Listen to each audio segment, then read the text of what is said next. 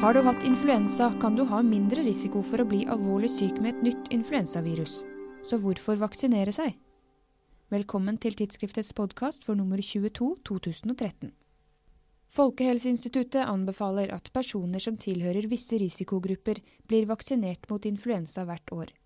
Det gjelder alle som har fylt 65 år, beboere i omsorgsboliger og sykehjem, gravide i andre og tredje trimester og barn og voksne med enkelte kroniske sykdommer. Disse anbefalingene er det enighet om. Folkehelseinstituttet anbefaler imidlertid også at helsepersonell som er i jevnlig kontakt med pasienter, vaksinerer seg, for å hindre at pasientene blir smittet. Denne anbefalingen er noen av Folkehelseinstituttets forskere uenig i. Hvorfor, utdyper de i en kronikk i tidsskriftet.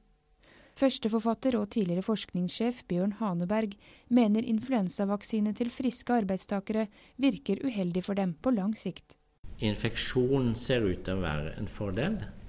Infeksjon kan beskytte mot senere influensa og det kan også beskytte mot nye stammer av influensa, sånn at f.eks. en pandemi. Så eh, vi mener at eh, de som vaksinerer seg uten å trenge vaksinen akkurat da, de kom, kan komme dårligere ut senere. Bakgrunnen for dette synet er ny forskning som bl.a. andre forfatter av kronikken, Sven Erik Mamelund, står bak.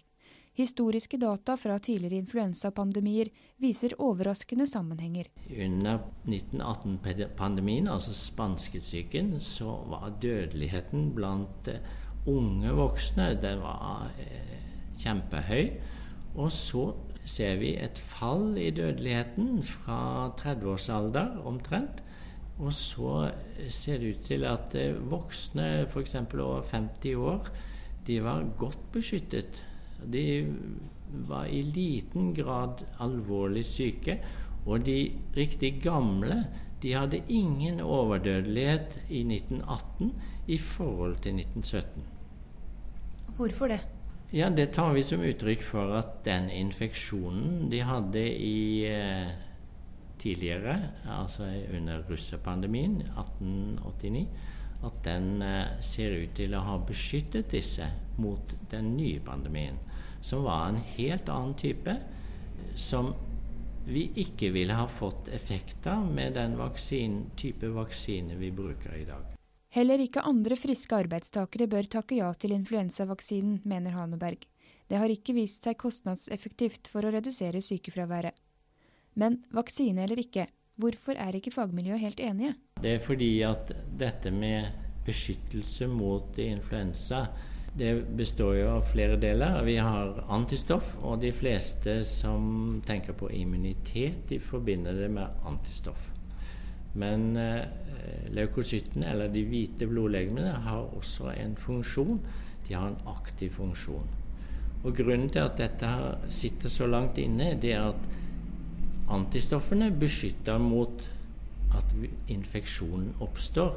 Men den cellulære delen, som lymfocyttene står for, den beskytter ikke mot infeksjon, men mot at den blir alvorlig. Den hjelper til å sparke ut virus eller ødelegge virus.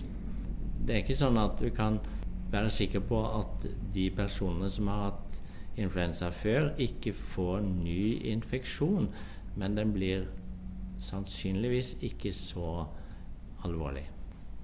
Haneberg, Mamelund og sisteforfatter Siri Mjåland mener at for å unngå økt risiko for alvorlig sykdom hos helsepersonell ved en senere pandemi, bør man vurdere om disse fortsatt bør stå på listen over dem som anbefales å ta årets vaksine. I stedet bør man satse på intensivert vaksinering av risikogruppene, der for få vaksinerer seg per i dag. Les hele kronikken i tidsskriftet nummer 22. Jeg heter Eline Feiring. På gjenhør.